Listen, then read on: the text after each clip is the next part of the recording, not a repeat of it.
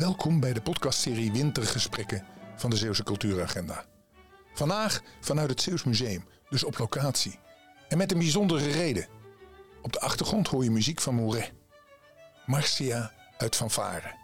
Uitgevoerd door een ensemble van het Zeeuws Orkest. Je kunt je hierbij prima voorstellen dat de schutterij van de 17e eeuw langs marcheerde. Met in het midden de vaandeldrager. En de vaandeldrager, het schilderij van Rembrandt, is de hele maand februari van 2023 de gast in Middelburg. Siska van Dijk van de redactie kwam met het idee om hier op bezoek te gaan. En nu staan we in de museumzaal. Net voordat Marjan Ruiter, de directeur van het museum, binnenkomt waarmee we in gesprek gaan. Mijn naam is Rob Bakker. Hey Siska, we staan nu in de grote zaal van de Vaandeldrager in het Zeeuws Museum. En jij hebt ons op het idee gebracht om hier naartoe te gaan en met Marjan Ruiter, eh, de directeur van het Zeeuws Museum, te praten over de Vaandeldrager die hier recht voor ons staat. Siska, wat is daar nou zo bijzonder aan? Ja, toen ik hier naartoe kwam, had ik geen idee. Uh, hoe, hoe, kwam je, hoe kwam je op het idee om er naartoe te gaan? Nou, dat was voor de vrienden van het museum, was er een dag dat je je daarvoor kon aanmelden. Dat was heel aardig, dat was een van de eerste dagen, denk ik. Omdat ik vriend ben van het Zeeuws Museum, kon ik me daar dus voor inschrijven en kregen we een exclusieve explanatie van Marian Ruiter over deze. Ja, dat betekent dus, e- eigenlijk eh, hebben we, we staan hier dus tussen allemaal uh, bijzondere vaandels. En uh, die vaandeldrager, dat schilderij van Rembrandt, wat vorig jaar door ons allemaal samen gekocht is, um, dat reist eigenlijk het land door. Ja, dat is zo. En toen ik hier naartoe kwam, had ik geen idee dat ik in een zaal zou staan met zoveel vaandels van muziekgroepen, maar ook protesten. Die daar hangen. Er hangt een rok, prachtig gemaakt, met allemaal lapjes. En dan is dat, kijk eens papa, ik ben een kunstenaar. Kennelijk ook een protest. Zo van, je mag geen kunstenaar worden en dat is ze dus wel. Allemaal heel verschillende vaandels van ook ja, mensen die tegen iets protesteren. Het is ook protest, processie. echt hele oude dingen. Dat weet je niet. En als je dan binnenkomt, zie je die Rembrandt helemaal niet. Dus dan denk je, hé, hè? waar ben ik nu? Nou, dan ben ik een beetje zo door, door, doorheen gaan lopen en verdraaid achter de achterste muur staat die prachtige Rembrandt, een zelfportret die je aankijkt en dan denk je, wauw, wauw. Dus de verrassing is heel groot. Daar komt denk ik Marjan.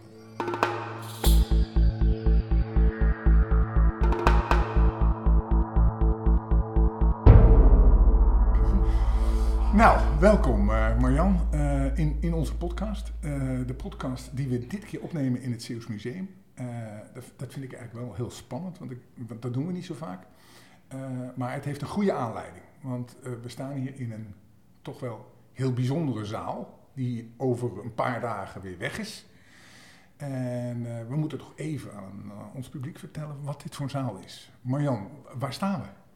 Uh, wij staan op de tweede verdieping van het Zeeuws Museum. En deze zaal die is ingericht met een tentoonstelling die heet Protest Processie Parade. En deze maand, de hele maand februari, zie je in deze tentoonstelling ook de vaandeldrager van Rembrandt. Als de vaandeldrager weggaat, dan blijft deze tentoonstelling staan okay. tot en met um, begin september. Ja, ja. Dus we, hebben, we kunnen nog langer genieten van de Zeeuwse vaandels die hier heel prominent aanwezig zijn. We gaan het met name daarover hebben, want er is natuurlijk al veel gezegd over de vaandeldragen. We kunnen ons natuurlijk niet, uh, we kunnen niet, niet, ons, niet zeggen dat we er niet allemaal een tientje aan betaald hebben. Uh, als Nederlander. Dus, uh, dus wat dat betreft mogen we er ook van genieten. Ga je er overigens nog een replica neerhangen voor, voor het beeld of niet? Nee, nee, we hebben een... Klein fotootje of zo waar die gehangen heeft? Er gebeurt iets heel anders. Oh, We hebben een, een klein tegeltje laten... We hebben een tegeltje in onze collectie ja. en daar staat een vaandeldrager op. Oh. Dus als de vaandeldrager van Rembrandt weggaat, dan komt dat kleine tegeltje Dat komt op de plek van de vaandeldrager te hangen. Oké. Maar dat is niet van Rembrandt. Nee, Nee. het is gewoon zo'n Delfts-blauw tekstje. Ja, Ja, gewoon uit de historie hadden ze. nou ja, misschien is dat wel een leuke brug naar eh, de Ja. vaandeldrager van Rembrandt. Want ehm, het begrip vaandeldrager, dat kennen wij nu eigenlijk alleen nog maar in overdrachtelijke zin. En, eh, Nou, ik ken het nog uit Stratego. Ja, stratego, maar niet meer uit de praktijk. Nee. Ik bedoel, sowieso, eh, het, het hele concept oorlog. Ik ben van een generatie die geen oorlog meegemaakt Nee, heeft. klopt. Mijn ouders hebben de Tweede Wereldoorlog meegemaakt. Mijn grootouders hebben twee wereldoorlogen meegemaakt. Maar ik heb geen oorlog meegemaakt. Met Oekraïne komt het nu wat dichterbij. Maar nog steeds is het voor ons toch ja, niet iets waar we gewoon eh, dagelijks mee, waar we echt direct mee geconfronteerd worden. En het hele begrip vaandeldrager, speelt niet meer een echte rol in het leger. Terwijl Nee. in de tijd van Rembrandt, maar ook in de tijd van onze wandpijten, is een vaandeldrager een echt eh, een noodzakelijke functie in het leger. Hey, en Marjan, toen, toen jij kreeg de opdracht, of in ieder geval er werd een afspraak gemaakt dat dat schilderij een maand naar jou toe kon, kwam. Eh, hoe gaat dat dan in zijn werk? Nou, in dit geval, ja, ik heb het wel vaker verteld, maar het, is ook wel heel grappig, vind ik hoor. Kregen, ik werd ochtends gebeld door eh Taco Dibbets van het eh, Rijksmuseum. Die zei, ja, eh, het is misschien geen echte verrassing, maar we hebben de vaandeldrager gekocht. En we hebben met het Rijk afgesproken dat hij een, ehm, een jaar lang gaat reizen langs alle provincies. En we willen graag dat het Zeeuws Museum ook meedoet in eh, deze Reis, tour. ja. Reis. en eh, je moet vanmiddag beslissen. dus ja, wat ga je dan doen? Want eh normaal Had je, het, had je het verwacht? Dat, ja, natuurlijk hou je hier rekening mee met dit soort dingen. Maar tegelijkertijd weet je ook dat zo'n schilderij als, als dit is zo kwetsbaar dat het reizen aan zich, twaalf keer verkassen, ja, dat is eigenlijk iets wat je normaal gesproken niet doet. Dat Nee. wil je juist minimaliseren. Ja. En het lenen van dit soort schilderijen is eh, ook altijd een, eh, een, een dingetje. Ja, hey, en, en toen jullie daar, eh, toen je, had je je voorbereid? Had je erover nagedacht? Wat je ermee zou gaan doen? Nou ja, kijk, je hebt nauwelijks tijd om je erop voor te bereiden. Want het, het is eigenlijk pas in een vrij laat stadium naar buiten gekomen. Pas vlak voordat wij gebeld werden, begon er een beetje rond te zingen dat hij misschien zou gaan reizen. Dus ja, tuurlijk denk je er dan in je achterhoofd over na. Maar echt nadenken, die kans krijg je nauwelijks. Is, is Zeeland de eerste provincie waar die nu staat? Nee, Nee, wij zijn een van de laatste. De, na ja. ons komt nog Limburg En en, dan? dan, nog, ehm, even nadenken. Drenthe. Nee, daar is hij al geweest. Oh. Eh, nou, shit. Nou ja, maakt Groningen, niet uit. Sorry. Groningen. Limburg en Groningen, dat Hoe zijn de laatste. dat nou vergeten? twee. ja, stom hè? Ja, want dat moeten we even erbij zeggen. Hè Marjan, dat is jouw geboortegrond, toch? Nou, geboortegrond niet, maar dit voelt wel heel erg als thuis. ja, precies, precies. Zeeland toch ook een beetje. Eh, eh, Nu? ik- voor, voor mij is Zeeland nu thuis. Ja. Ja, precies. Ja. En je krijgt dan dat telefoontje van de directeur van het, van het, van het, eh, het Rijksmuseum. En die zegt, nou oké, eh, je moet nu kiezen. Hup, je krijgt hem. En weet je dan ook dat je hem dan onmiddellijk in februari krijgt? Eh, nee, wat, wat er gebeurt is dat je de vraag. Wij kregen eigenlijk twee vragen. We kregen de vraag van. ehm, zie je dat zitten? Kijk, er komt iemand binnen, maar die gaat ook weer weg. Ja. Je krijgt dus de vraag van, eh, van de directeur van het Rijksmuseum. eh, en dan moet je gaan nadenken, wat ga ik er nou eigenlijk mee doen? Eh, nou, ik had er rekening mee gehouden dat we er niks mee zouden mogen doen. Dus dat je hem gewoon eh, de vraag krijgt van, wil je hem laten zien in een lege ruimte? En dat vond ik juist heel erg leuk van het Rijksmuseum. Dat ze zeiden van, we willen niet alleen van jou aan jou vragen of je hem wil hebben een maand lang, maar ook of je erover na wil denken of je hem in een eigen context kunt presenteren. Zodat als die vaandeldrager straks terugkomt in het Rijksmuseum, ehm, waar, wij hem op, waar, hè, waar zij hem op een manier kunnen presenteren wij, die je eigenlijk bijna nergens anders zo kunt presenteren. Maar dat het dus interessant is dat je dus op, op twaalf verschillende plekken al een soort ander perspectief hebt gehad Ja. op die vaandeldrager. En dus met die vraag ben ik ook hier intern gaan overleggen van oké, het moet binnen een jaar. Het, eh, ze beginnen al in, eh, weet ik veel, ehm, in april of zo eh, met de tour of in maart. En, April vorig jaar. ja, april vorig jaar. Maar goed, in eerste instantie was het gedacht dat maart zou zijn. En ehm, de- in een jaar tijd moet hij dus overal bij langs. Dus wanneer zouden wij hem kwijt kunnen? En zouden wij hem kunnen in een tentoonstelling kunnen opnemen? Nou, wij waren al van plan om een tentoonstelling te maken in 2024 over vlaggen en vaandels. Oké. Wij hebben een meerjarenprogramma wat eh, eh, van vier jaar wat draait over draait om zaken als eh, verbinding, ehm, maar ook eh, ehm, uitsluiting, over contact en over eenzaamheid. Die vlaggen en die vaandels, die, die, die zijn aan de ene kant zijn die symbool voor wat ons samen bindt. Dat je Mhm. ergens je samen onder kan scharen. Maar tegelijkertijd, als jij ergens bij hoort, dan worden andere mensen ook vaak uitgesloten. Dus dat concept van die vlaggen, dat vonden we eigenlijk heel interessant om ook in een tentoonstelling in te brengen. Ja. Maar goed, we hadden hem in 24 gepland. Dus we hebben gezegd, weet je wat? Vlaggen en vaandels met die witte vlag van, eh, van de vaandeldrager. Ja. Daar kan je dus eigenlijk heel veel mee, want hij staat niet ergens specifiek symbool Nee. voor. Wij halen die tentoonstelling naar voren en daarmee is ook onze tentoonstelling helemaal veranderd. Want als we nu even om ons heen kijken, we zien dus eh, ja, eigenlijk van eh, de harmonie zien we Mhm. eh, hier voor ons staan. We zien een vaandel eh, wat eigenlijk een Zeeuwse vlag is die opgeborduurd is. We zien een jurk. Wat, vertel er eens wat van. Ja, wat wij, wat wij gedaan hebben is, omdat die vlag dus eigenlijk leeg is, die, die, die banier, hebben we dat dat is- geko- gekozen Om om, hem in te vullen. om hem in te vullen. Ja. Maar wa- waarom is die leeg, weet je dat? Eh, ja, dat, nou ja, weten en weten zijn natuurlijk twee, Ja. hè? Ja. Wat ehm, eh, kunsthistorici zeggen, Ja. is dat dit, ehm, eh, het is een portret van Rembrandt zelf. En het is, enerzijds is het een zelfportret. Ja. Je, hij, vanuit andere tekeningen en zo kennen we hem ook dat hij zichzelf zo afbeeldt. Tegelijkertijd is het geen zelfportret, want hij presenteert zichzelf hier als eh, de verpersoonlijking van de vaandeldrager. Ja. En ehm, eh, dat betekent dus ook dat hij daar dus niks op ingevuld heeft. Je, je kan daar dus in feite elke vlag op invullen wat je maar wil.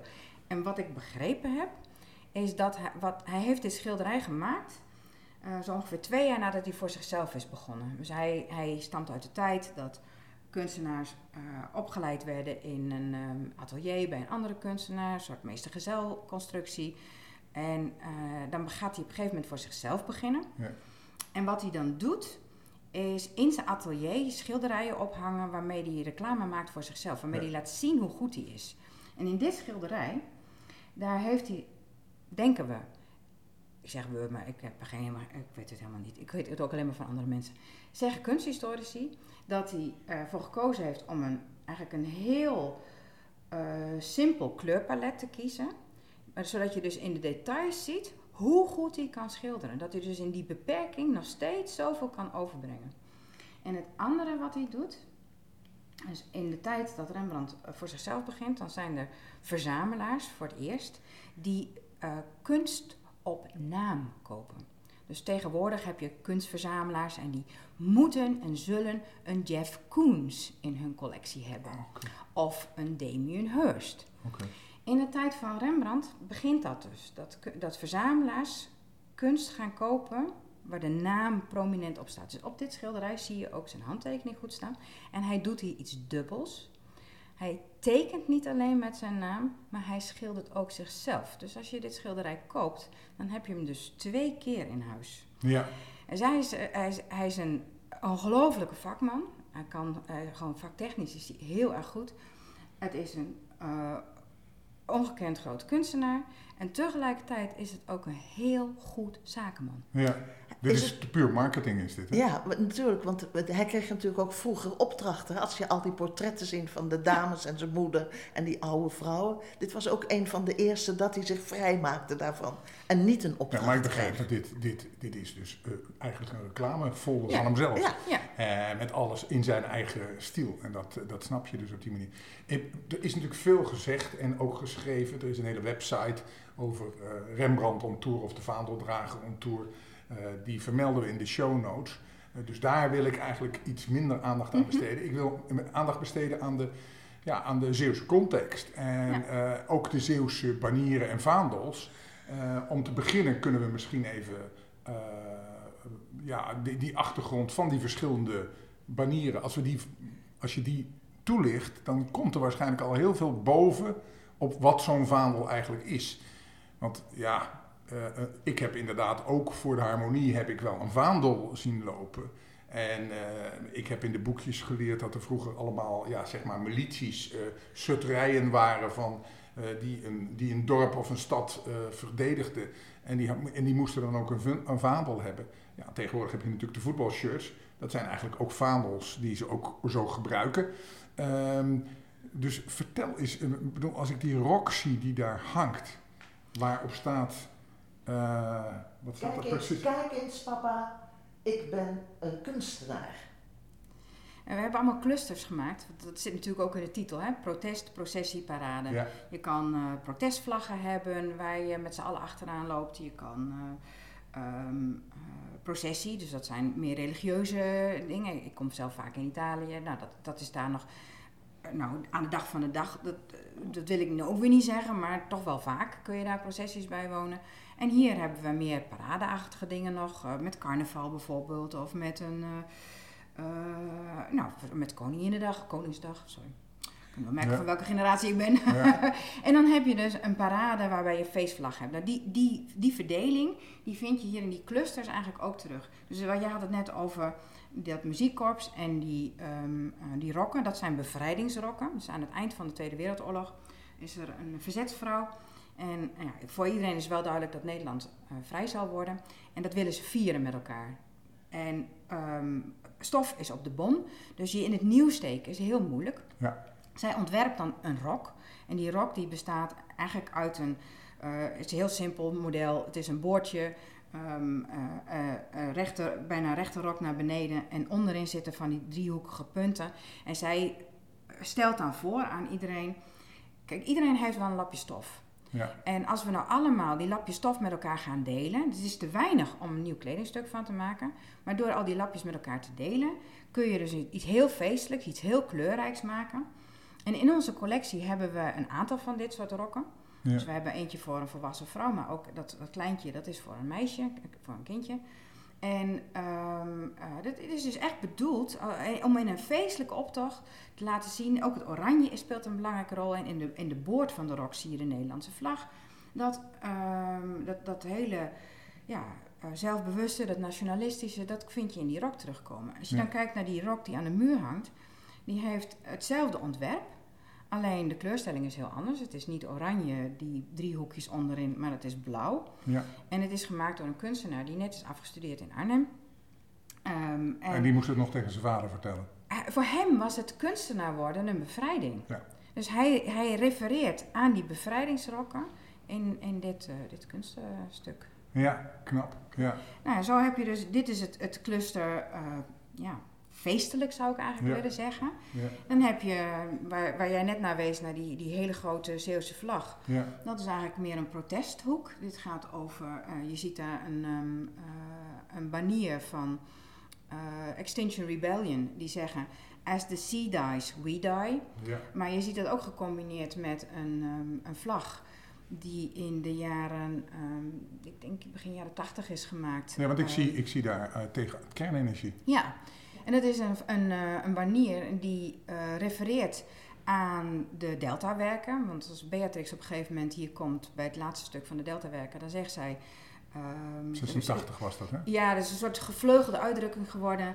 eh, Zeeland is nu veilig. Ja. En op die vlag, daar zie je zo'n ehm, Staat ook zo'n Zeeland veilig op, kernenergie ja. eh, dingetje. En, eh, en, daaronder, en er staat naast Zeeland vraagteken. Hoezo veilig? Ja.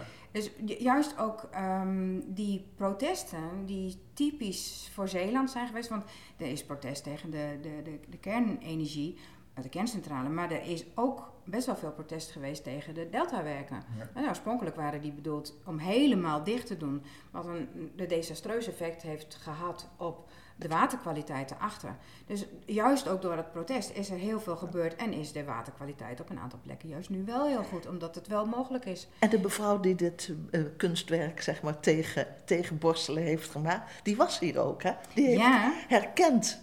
Daar hangt mijn merk. Ja, het is echt, heel, dat is echt zo grappig. Maar als wij een, een eh, tentoonstelling maken, dan organiseren we op de maandag daarna, na de opening, een personeelsrondleiding. Dus daar, komt dan, daar is iedereen dan welkom. Dus de mensen die hier eh, betaald, maar ook onbetaald in dienst zijn Ja. of werken. En ehm, is een van onze vrijwilligers, die komt hier op zaal en die zegt: Nee, dat kan niet waar zijn.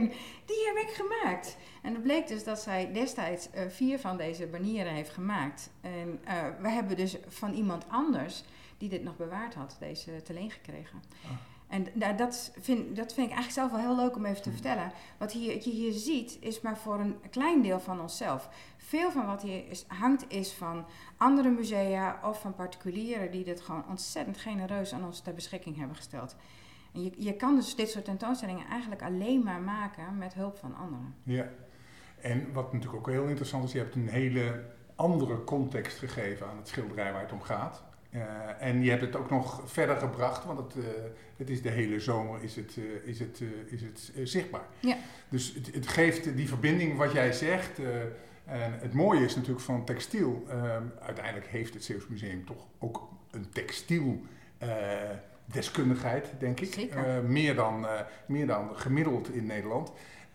En daar past dat dus prachtig bij. Ja. Want jullie hebben ook die andere tentoonstelling waar, eh, ja, waar je ook nog steeds naar, naar kan, eh, kan kijken. Hè? Eh, Ja, tot, reused satin. Ja, zeker. Er staat tot begin april staat die tentoonstelling. En dat, daar, dat gaat over de mannenjassen uit het begin van de streekdracht. Dus rond 1850, dan komt de streekdracht op. En ehm, eh, in tegenstelling tot wat veel mensen denken, dat, die is heel erg aan mode onderhevig. Ja. Dus als er ontwikkelingen zijn in de mode, dan zie je dat vrijwel direct ook terug in de streekdrachten. In het begin eh, zijn die mannenjassen, die zijn extreem kleurrijk. Van prachtig damast gemaakt. En wij hebben onderzoek gedaan naar die, ehm, eh, de herkomst van het materiaal, wat je erop afgebeeld ziet. Maar hebben er ook een hedendaagse twist aan gegeven. ehm, met het maken van een nieuwe, eh, een hedendaagse damast van ehm, eh, hergebruikt materiaal. Omdat juist ook in die oude streekdracht duurzaamheid heel belangrijk is. Er wordt heel veel geld gestoken in zo'n mooi pak. Zo'n Ja. pak duurt wel een jaar om gemaakt te worden. Ja, zeker. En, en, Maar en is ook- je geeft daar het is dus ook- ook door. Precies, daar zijn natuurlijk ook die, die, die stukken stof die je erop doet. Daarmee kan je ook een, zo'n, zo'n kledingstuk een heel andere uitstraling geven. Ja, en zeker. da- dat is natuurlijk interessant. Dat is echt circulair, zou Ja. je bijna kunnen zeggen. Maar het leuke wat, wat ik vind ook hier, zeg maar, er zijn natuurlijk de oude vaandels, die gewoon echt museale stukken zijn, maar dat er dus ook dingen van nu hangen. Ja. Gewoon wat er nu is. En dat vind ik bij de kleding ook. Die jongens die opnieuw gaan denken, hoe zouden wij dat doen? En die stoffen die ze dan maken. Ja. Hoewel de vaandeldrager uit het straatbeeld verdwenen is, is dat niet het geval in de populaire muziek. Denk aan het nummer van Rob de Nijs, de trompetter van de Prins. Hij marcheerde van den helder tot den bril. Hij had geen geld en hij was geen held en hij hield niet van het krijgsgeweld. Maar trompetter was hij wel in hart en ziel. Het leger sloeg zijn tenten op voor Alkmaar in het veld. En zolang geen vijand zich liet zien was iedereen een held. De kroeg werd als strategisch punt door het hoofdkwartier bezet. De officieren brulden Jan, kom speel op je trompet. Je benoemt nu precies wat de insteek is van deze tentoonstelling. Want deze, dat werk van Rembrandt was 400 jaar oud. Het begrip vaandeldrager kennen heel veel mensen niet meer. Maar vaandeldragers hebben we keihard nodig in onze maatschappij. Mensen die staan voor hun principes, die daarvoor op durven komen, die dat vaandel omhoog steken en waar jij je achter kunt scharen, waar jij je achter kunt gaan staan. En ook als het moeilijk wordt, toch blijft staan. Dat hebben wij nodig. kunt en dat zit in deze naar de wereldkampioenschappen voetbal of een eh, minister nou een speldje op heeft of een band of dat, dat, dat is natuurlijk eh, dat is echt eh, de, dat is het verlengde van de vaandeldrager Absoluut, ja. Eh, en dat je daar je druk over maakt. Ja, iedereen maakt zich daar druk over, want het is een affichering van je boodschap, van wie je bent. Maar ook dit maakt de mens bo- boos. Hè? Ik ben toen geweest en ik vertelde mijn verhaal aan mijn broer. Die in Duitsland woont zeer. kof- En ik, en ik zei hoe dat was. En zo spannend tussen al die vaandels. En dan loop je naar achteren. En dan zie je nou onmiddellijk dat beeld. En dan ben je helemaal. Hij werd woest. Hij zei: Hoe kan dat nou? Een Rembrandt die je zo tussen die rotzooi zit. Dan zie je gewoon hoe mensen kunnen reageren. Hij had het niet eens gezien, maar alleen al mijn verhaal maakte hem dat hij dacht: dat kan niet. En op zichzelf is dat ook al goed, toch? Dat mensen praten. We kregen een heel verhaal natuurlijk over waarom moet het een Nou ja. lege zaal zijn. De, Ja. wij, wij zoeken juist dat gesprek op. En kijk, dat zit ook in die vaandels. Als je ergens voor staat of ergens tegen bent, dan, dan ga je vaak verharden. Dan ga je, dan ga je niet meer het gesprek aan. Ja. Maar wij vinden het juist belangrijk dat je wel met elkaar in gesprek Ja. gaat. Want ook eh, of je nou. eh, nee, als je met elkaar in gesprek gaat, dan blijkt heel vaak dat we dezelfde zorg hebben die eronder zit. Maar dat uit zich op verschillende manieren. Dus ehm, eh, mensen. De, het is een beetje gek om te zeggen, maar eh, de boeren die nu protesteren, die protesteren vanuit de zorg voor de toekomst, voor hun kinderen. Voor, Eh, Extinction Rebellion protesteert tegen allerlei dingen die het klimaat negatief beïnvloeden. Maar wat eronder zit, is de zorg voor toekomstige generaties. Maar je, je, je overwegingen, je argumenten, dat Ja. is allemaal anders. Maar de angst die eronder zit, is hetzelfde. En dat, dat is wat we nou graag juist willen uitlokken, dat mensen met elkaar daarover in gesprek gaan. Daarom zit ook in de zaal hiernaast zit een werkplaats, waar vanaf eh, maart gaan we daar workshops aanbieden. En dat zijn workshops die zijn ontwikkeld door een kunstenares. En waar je ehm, met elkaar in gesprek gaat. Waar ben je voor? Waar ben je tegen? En dat je dat dus ook leert eh, comprimeren tot een tekstje die op zo'n vlag staat. Ehm, en dat kan van alles zijn. Dat kan zijn, eh, nou ja, dat is ook wat, eh, wat allerlei protestbewegingen doen. Dat je het terugbrengt naar één slogan. Ehm, dat, dat kan iets heel maatschappelijk geëngageerd zijn, maar het kan ook iets heel simpels zijn, of iets simpels. E- een van de mooiste teksten die er nu tussen hangt, vind ik, is: Mama zegt dat wonen betaalbaar moet zijn. Ja. Eh, dan maakt- komt het ineens heel dichtbij, hè? Ja, Dan wordt het heel persoonlijk. En ook dat gaat dus weer over ehm, eh, de angst en de zorg die je hebt, de behoefte die je hebt om het goed achter te laten voor je kinderen. Hey Marjan, we, we, we, hebben, we, moeten- we gaan naar een einde toe, want eh, jij kan volgens mij eh, de hele dag doorpraten. Oh ja hoor. En eh, ik zal mensen ook in de show notes nog verwijzen naar een eerder gesprek wat wij gehad hebben over jouzelf. Want dat is ook wel heel interessant om dan te zien welke, welke drijfveer je hebt. Maar belangrijk is daar in ieder geval in dat het museum niet alleen maar het, het, het tentoonstellen van dit schilderij is. Nee, het is het verhaal. Het is de context. En ik zou willen afsluiten met.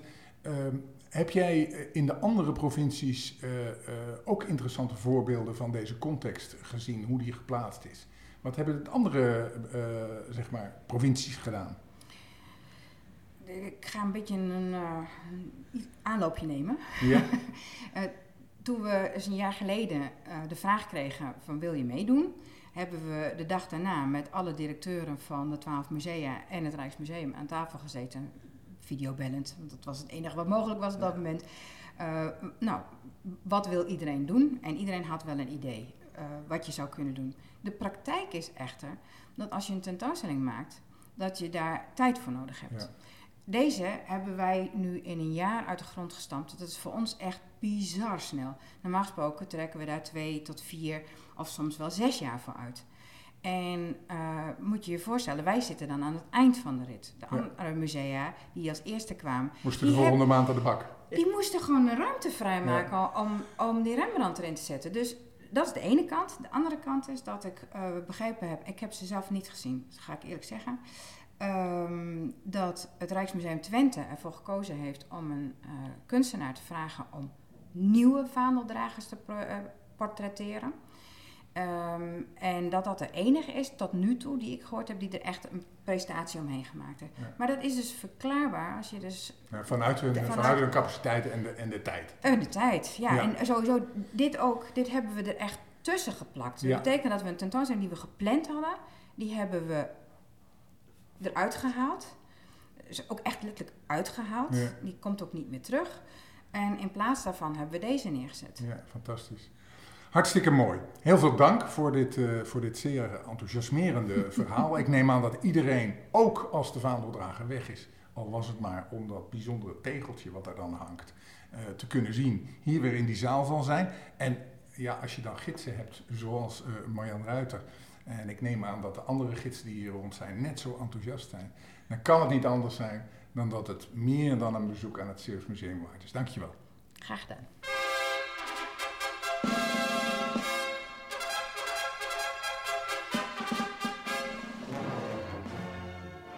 Niet snel worden je persoonlijke bezittingen museaal. Maar Siska heeft als toegift toch een cadeautje meegenomen voor Marjan Ruiter.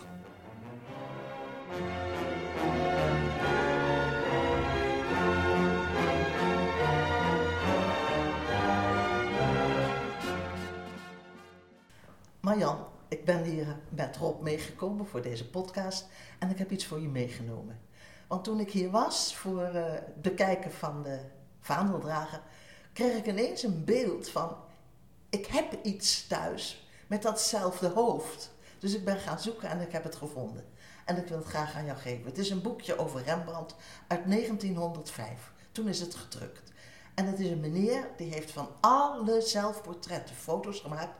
En die staan erin. En er staat een lijst in, achterin, met ik weet, zes bladzijden vol, heel klein gedrukt, met alle schilderijen die hij toen heeft bezocht. In alle landen, waar ze hangen, in welke musea en welke ook de privé bezit. En daar staat meneer Rothschild dus ook bij, met de Standard Bearer, de vaandeldrager. En ik vind dat zo bijzonder, want ik kreeg dat boekje van mijn oma. Mijn oma is geboren in 1875 en ik kreeg het toen ik 11 was, in 1954. En nu vind ik het weer, omdat ik hier naar Rembrandt ging kijken.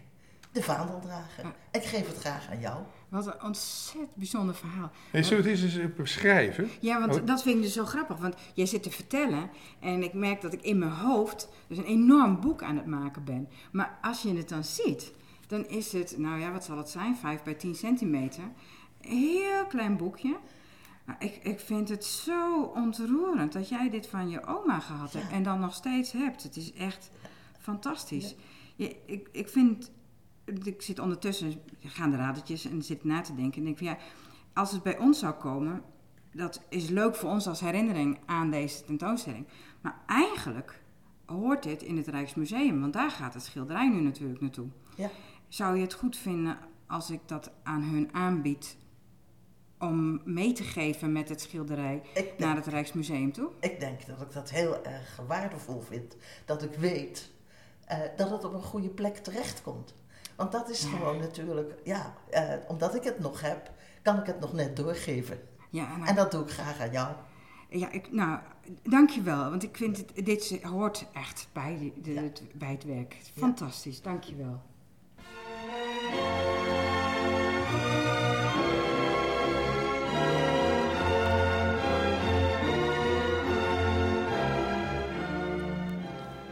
sluiten deze podcast af met een stukje uit Waterloo van Silberman, waarin je het Wilhelmus terug hoort.